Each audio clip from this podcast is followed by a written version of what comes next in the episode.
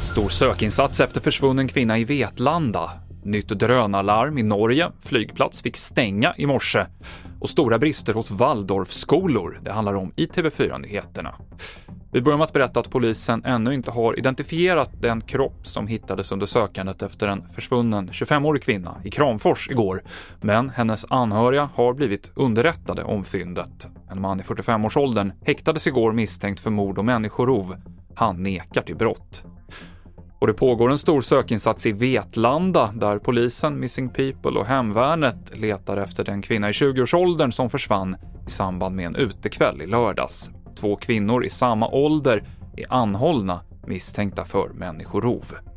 En rad Waldorfskolor runt om i landet uppvisar brister inom flera områden, bland annat hur undervisningen genomförs. När Skolinspektionen gjorde tillsyn så hade 27 av 35 skolor brister i minst ett av sex inspekterade områden.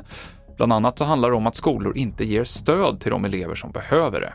När det gäller just stödinsatser så kan det få konsekvenser att de här eleverna hamnar efter i skolan och att det kan vara svårt att komma ikapp de andra, sina klasskamrater. Det är allvarliga brister anser vi. Det är viktigt att alla elever i svensk skola ges samma innehåll så att man får en likvärdig utbildning oavsett vilken skola man går i. Där hörde vi Anna Bergqvist som är enhetschef på Skolinspektionen. Och i Norge så bekräftar polisen att det var en drönare som sågs i närheten av Bergens flygplats i morse, vilket ledde till att flygplatsen var stängd under en tid.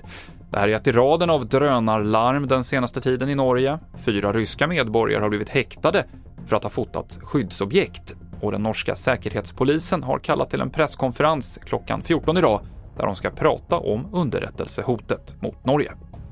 Det här var TV4-nyheterna med Mikael Klintevall.